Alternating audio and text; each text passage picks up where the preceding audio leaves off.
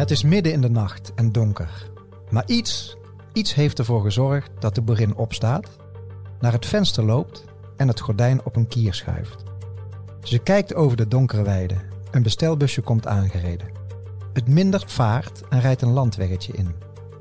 Een doodlopend landweggetje. Haar hart bonst in haar keel. Dit is geen zuivere koffie. Wat moet ze doen? Ze is alleen. Ze pakt de telefoon en belt. 112. De centralist klinkt cool. Nee, een wagen sturen ze hier niet voor. Gaat u maar naar buiten en schrijft u het nummerbord op als ze weer terugrijden, krijgt ze te horen. De boerin legt neer. En verdomd, wat voelt ze zich in de steek gelaten. Welkom bij deze podcast over drugscriminaliteit in Brabant, over onrust in het buitengebied. Vanuit een oude villa doen vijf journalisten een jaar lang onderzoek naar ondermijning in Brabant. Ze zijn afkomstig van het Eindhovens Dagblad, B en de Stem en het Brabants Dagblad. Mijn naam is Lucas van Houtert en ik praat vandaag met Mariette en Engelse en René van der Lee over ondermijning op het platteland. René, jullie hebben afgelopen maanden heel veel boeren gesproken. Maar waarom praat je eigenlijk met boeren als het gaat over ondermijning?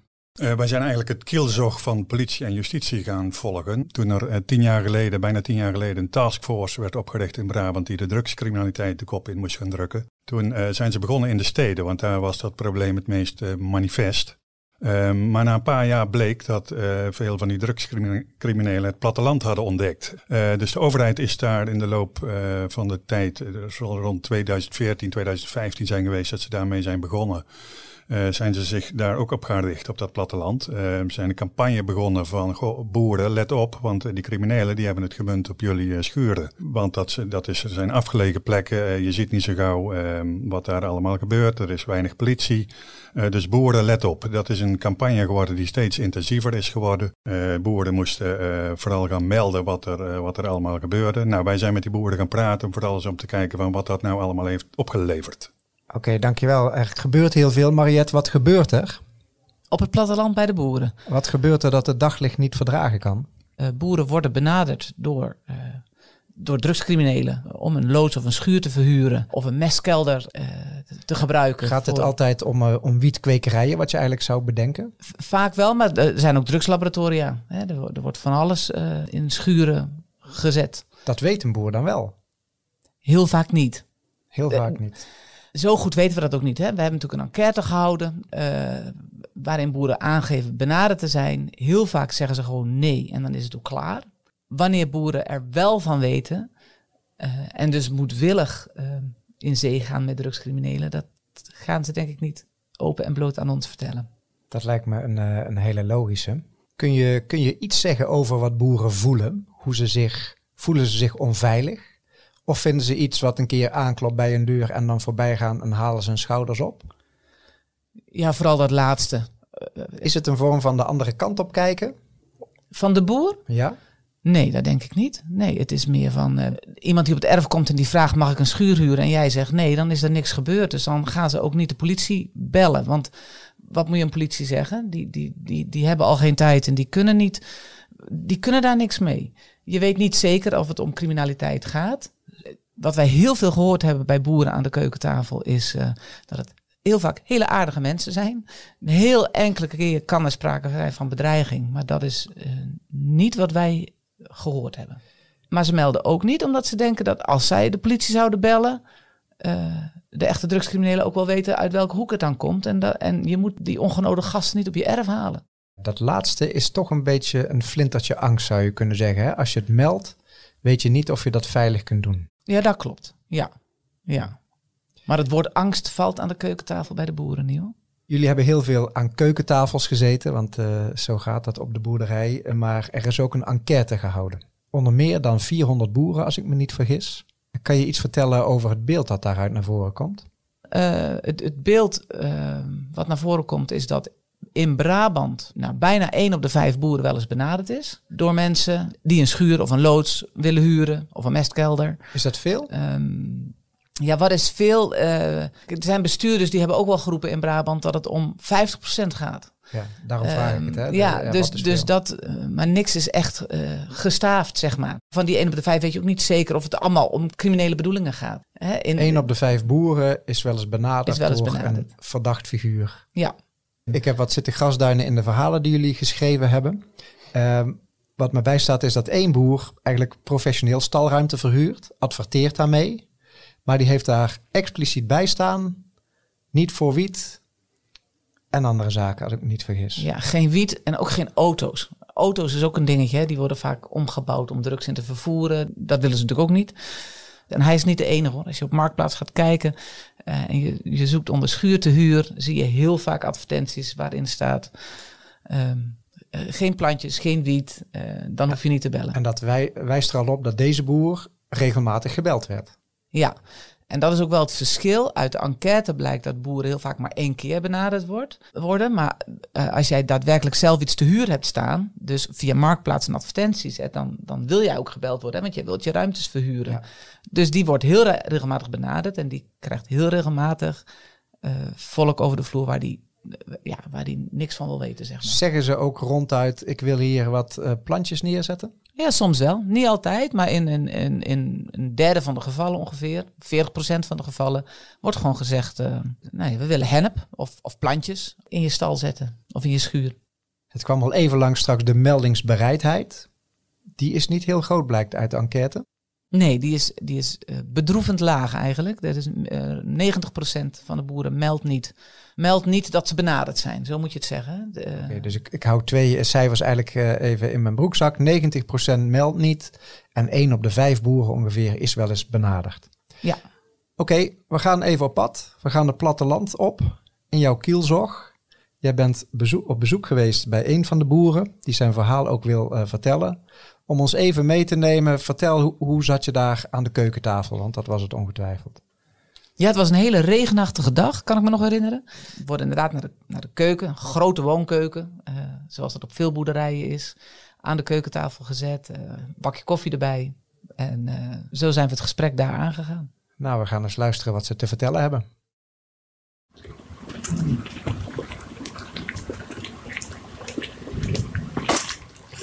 Hier stond alles vol. En een vrachtwagen om de spullen af te voeren, een busje van de cent en uh, ja, een paar politiewagentjes. Van alles stond er. En waar zat nou, kun u, kun u iets aanwijzen? Ja, daarboven, zat daar... daarboven, daar zat allemaal aan die kant, boven. En dan had je hier nog een kamertje, zat je uh, jonge plantjes op te kweken. En waren hier de ramen dan afgeplakt? Of was nee, dat aan, de, aan de topgevels. Alleen aan de topgevels waren de ramen afgeplakt.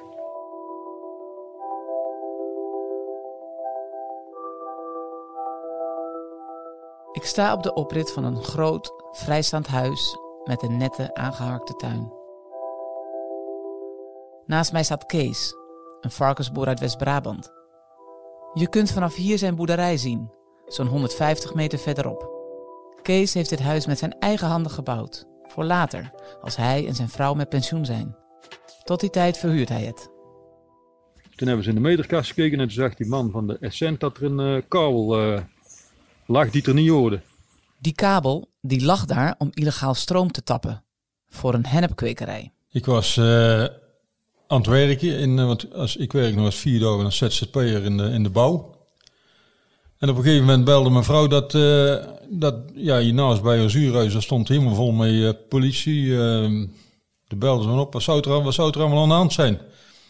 Ja, ik zeg tegen mijn vrouw, ja, dat, dat zullen we van eigens achterkomen. Misschien is er wel iemand dood. Uh, ik heb geen flauw idee wat er aan de hand is. Nou, en uh, ik heb me eigenlijk daar ook niet zoveel zorgen over gemaakt. Ik ben gewoon deugd aan mijn werk. En een uur eraan belden ze weer terug dat ze een, uh, een wietplantage gevonden hadden. Kees rijdt direct naar huis. Bij aankomst voelt hij zich slecht behandeld door de politie. Ja, ik weer ook gelijk als de Zwarte Piet weggezet.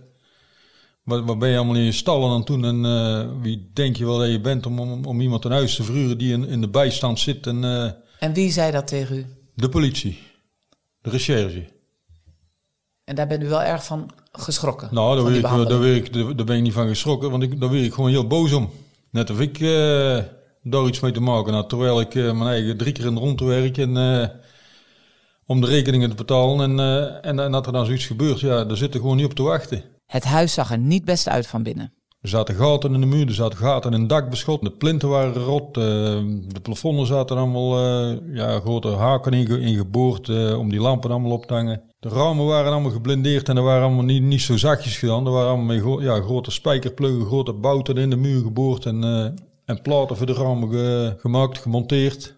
En dat had u allemaal ook nooit gezien, zeg maar. Ja, wij hadden het gewoon niet in de gaten. Wij hadden gewoon niet in de gaten wat er allemaal gebeurde. De hennepkwekerij wordt opgeruimd en de huurder gaat terug naar Tilburg, waar hij vandaan komt. Maar zijn meubels, die laat hij staan. Ik heb de politie gebeld en ik heb gezegd van, ik ga die meubels buiten, buiten gooien. Want ik wil mijn huis weer verhuren. En toen zei de politie, als jij er aankomt, dan ben jij strafbaar. Uiteindelijk krijgt Kees de huurder zover om zijn meubels op te komen halen. Via een makelaar vindt Kees een nieuwe huurder. Die makelaars die kunnen screenen, zeggen ze dan. En nou dacht ik, nou heb ik wel een goeie. En die had, een, eh, die had nou weer een huurder. Zijn verhaal was heel betrouwbaar. Kunnen u dat in kort vertellen? Wat voor verhaal had hij? Had, ging die, wat ging hij doen in dat die huis? zou 3D-tekeningen, sketchscan van landbouwwerktuigen eh, gaan maken. En eh, ja, die zou een kantoor en eh, er zou van alles binnenkomen. En die makelaar die had meerdere panden aan deze man verhuurd. Dus ik denk, ja, dat moet goed zijn. Alles lijkt goed te gaan. Tot Kees op een dag aanbelt om een brief af te geven. Er staat een auto op de stoep en door het raam ziet Kees dat de computer aanstaat.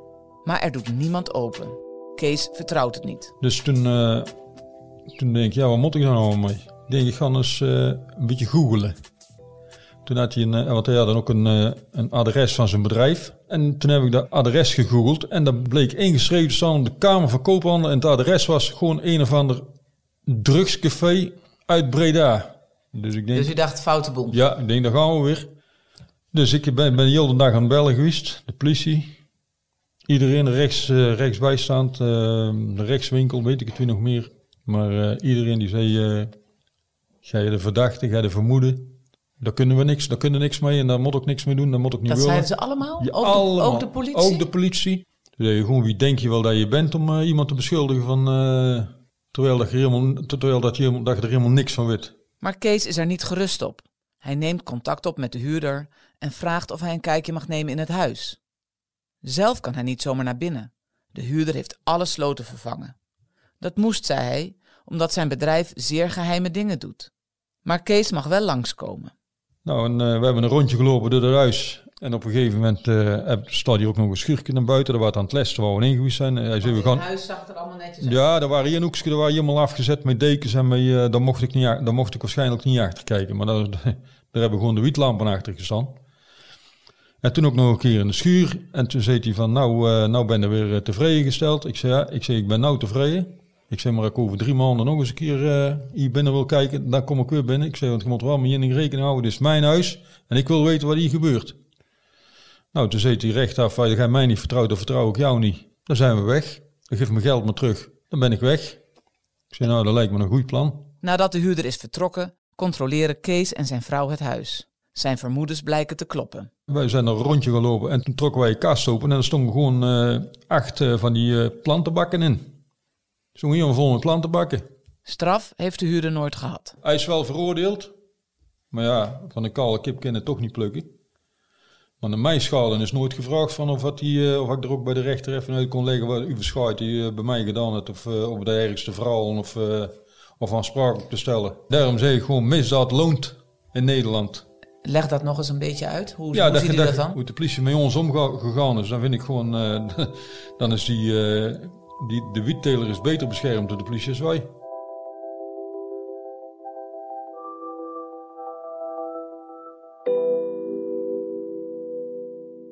De politie, René. Het botert niet echt tussen de boer en de politie.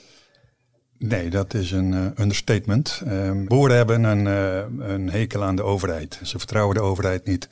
En misschien kun je wel zeggen dat ze eigenlijk nog, nog veel banger zijn voor de overheid dan voor die drugscriminelen.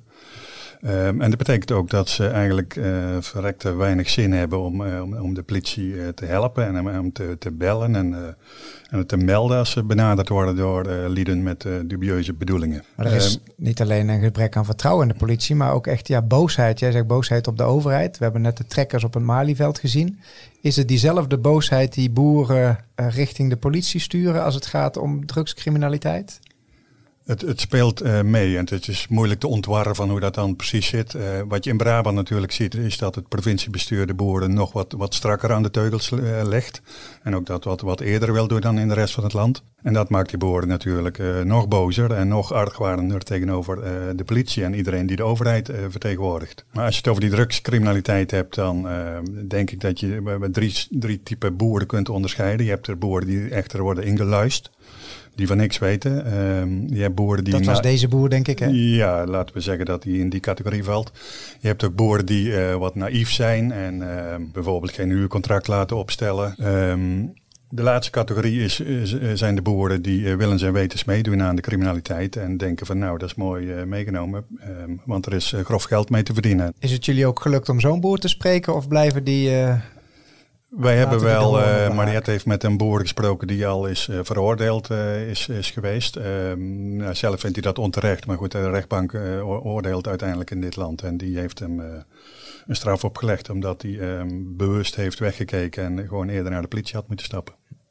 Ik denk ook even terug aan de, de boerin die het bestelbusje door de nacht zag rijden uit de inleiding. Hè. Dat is ook een boerin die jullie hebben gesproken. Ze belt op en ze wordt eigenlijk met een kluitje in het riet gestuurd.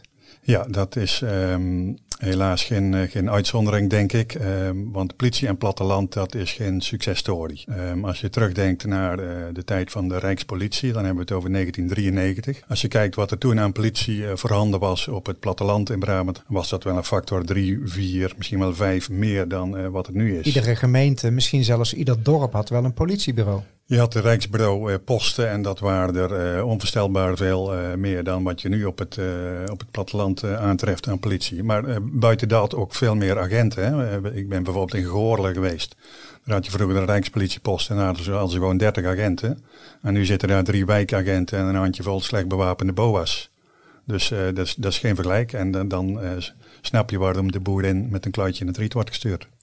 We zijn mee op pad geweest hè? Uh, met ja. uh, agenten die foldertjes uit gaan delen. Ja. Volgens mij zijn er voorlichtingsbijeenkomsten. Um, hoe gaat dat zo in zijn werk? En, en, en hoe worden ze ontvangen door de boeren? Nou ja, de politie komt veel minder aan preventie toe dan, uh, dan vroeger. Kijk, als je met 30 agenten in een dorp uh, bestiert, dan heb je natuurlijk veel meer tijd om letterlijk de boer op te gaan. En dan hoor je van alles en nog wat. Uh, nu moeten ze vooral eerst de spoedmeldingen afwerken. En als er dan nog wat tijd overblijft, dan uh, kunnen ze nog eens een boer zijn foldertje in zijn hand gaan drukken. Maar die boer die kennen ze al niet meer. De boer kent de politie uh, niet. Die heeft, uh, dat is, is, dat misschien wat er fout is gegaan inmiddels? Dat de boer de politie niet meer kent en de politie de boer? Ja, ik denk dat je wel kunt zeggen dat er een... Uh, kijk, de politie is, is behoorlijk uitgemergeld. Ehm, verder zijn er allerlei politieke redenen waarom dat wantrouwen tussen boer en overheid zo groot is geworden. Nou, dat opgeteld, uh, ja, dat is uh, wat ik net zei, geen successtory. Nee, dat is duidelijk. Eigenlijk kun je wel zeggen dat het beeld dat, uh, dat jullie weten te schetsen na een paar maanden onderzoek redelijk onthutsend is. Uh, toch behoorlijk wat boeren die benaderd worden. Zeker als ze duidelijk maken dat ze stalruimte hebben. Een hele lage meldingsbereidheid. Wordt er dan een keer gemeld, dan is de ervaring met de politie vanuit de boeren ronduit teleurstellend. Vanaf de andere kant hebben we eigenlijk kunnen zien dat er aan de kant van de agenten die er nog zijn en misschien de BOA's een redelijk gefrustreerd gevoel is. Um, René, gaat dit nog goed komen de komende jaren op het platteland of gaat het helemaal uit de klauwen lopen? Um, ik heb geen glazen bol. Ik moet overigens wel zeggen dat de politieagenten, um, die prijs ik wel voor een doorzettingsvermogen. Want de meesten zeggen van ja, we kunnen wel blijven zeuren over de capaciteitstekort, maar wij doen gewoon ons werk en we doen wat we kunnen.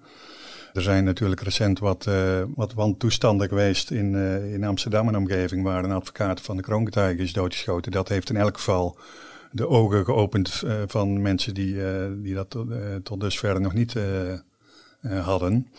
Um, dus het betekent wel dat het probleem van de ondermijnende criminaliteit uh, volop in de schijnwerper staat. Uh, soms uh, had je nog wel eens de gedachte van dat dat alleen in Brabant voorkomt. maar dat is niet zo. Ik denk dat de autoriteit of de overheid hier iets eerder het probleem heeft onderkend. Maar um, ja, zeker sinds kort wat er in Amsterdam is gebeurd, weet, snapt iedereen wel van dat dit geen specifiek Brabants probleem is. En het is aan, aan de politiek om het op te lossen. Mariette, ik heb toch nog één vraag voor jou over die boeren die benaderd worden door eigenlijk verdachte lieden en dat niet melden. Um, wij zijn journalisten, wij schrijven altijd over feiten, maar mag ik jouw mening nou eens vragen? Doen die boeren daar goed aan? Begrijp je het? Nou, ik begrijp die boeren wel. Ehm, het algehele beeld is dat de politie sowieso al een enorm capaciteitsgebrek heeft. En dat, dat, dat de politie aan niks toekomt. En dat, dat, dat de, de stapels uh, aangiftes uh, op het bureau uh, steeds hoger worden. Wat moet je dan? Er is nog niks gebeurd. Je wordt benaderd. Ze vragen om een schuur te huren. Nou, in het ergste geval zeggen ze er ook nog bij dat het voor hennep is of voor pillen. en je zegt nee en ze druipen af en je hoort of ziet ze nooit meer. Wat kan de politie daarmee? Eigenlijk betekent dit dat de ogen en de oren die de boeren te hebben op het platteland, dat die vaak dicht zijn. Um, omdat de boeren het belang niet hebben en ook het geloof er niet in. Is dat een goede conclusie? Nou, dat denk ik niet. De, de, boeren hebben zeker de ogen en de oren niet dicht. Er zijn in het buitengebied talloze WhatsApp-groepen. Als er, als er maar, een, maar, maar auto's over, over een pad rijden uh, die, die, ze normaal niet zien, dan gaat het in de appgroep wel rond. Maar dat is iets anders dan dat je de politie gaat bellen. Jullie zijn de afgelopen maanden diep in de ondermijning in het buitengebied gedoken. Iedereen die daar nog veel meer over wil lezen, verwijs ik naar de dossiers op onze websites. BN De Stem, Eindhovens Dagblad en Brabants Dagblad. Ik wil jullie alle twee danken voor je aanwezigheid. En verder dank ik ook het onderzoeksplatform Investico en het Stimuleringsfonds voor de Journalistiek dat dit mee mogelijk heeft gemaakt. En als je deze podcast leuk vond, laat dan alsjeblieft een beoordeling achter. Dat maakt het voor iedereen makkelijker om hem te vinden. Dankjewel.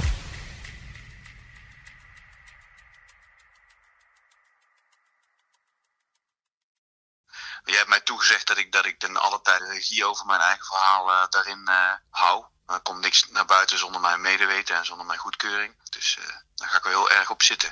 Dit is Jan de Man, wat een pseudoniem is. Want dit is geen fictie. Jan is een ex-crimineel. Crimineel. Tof.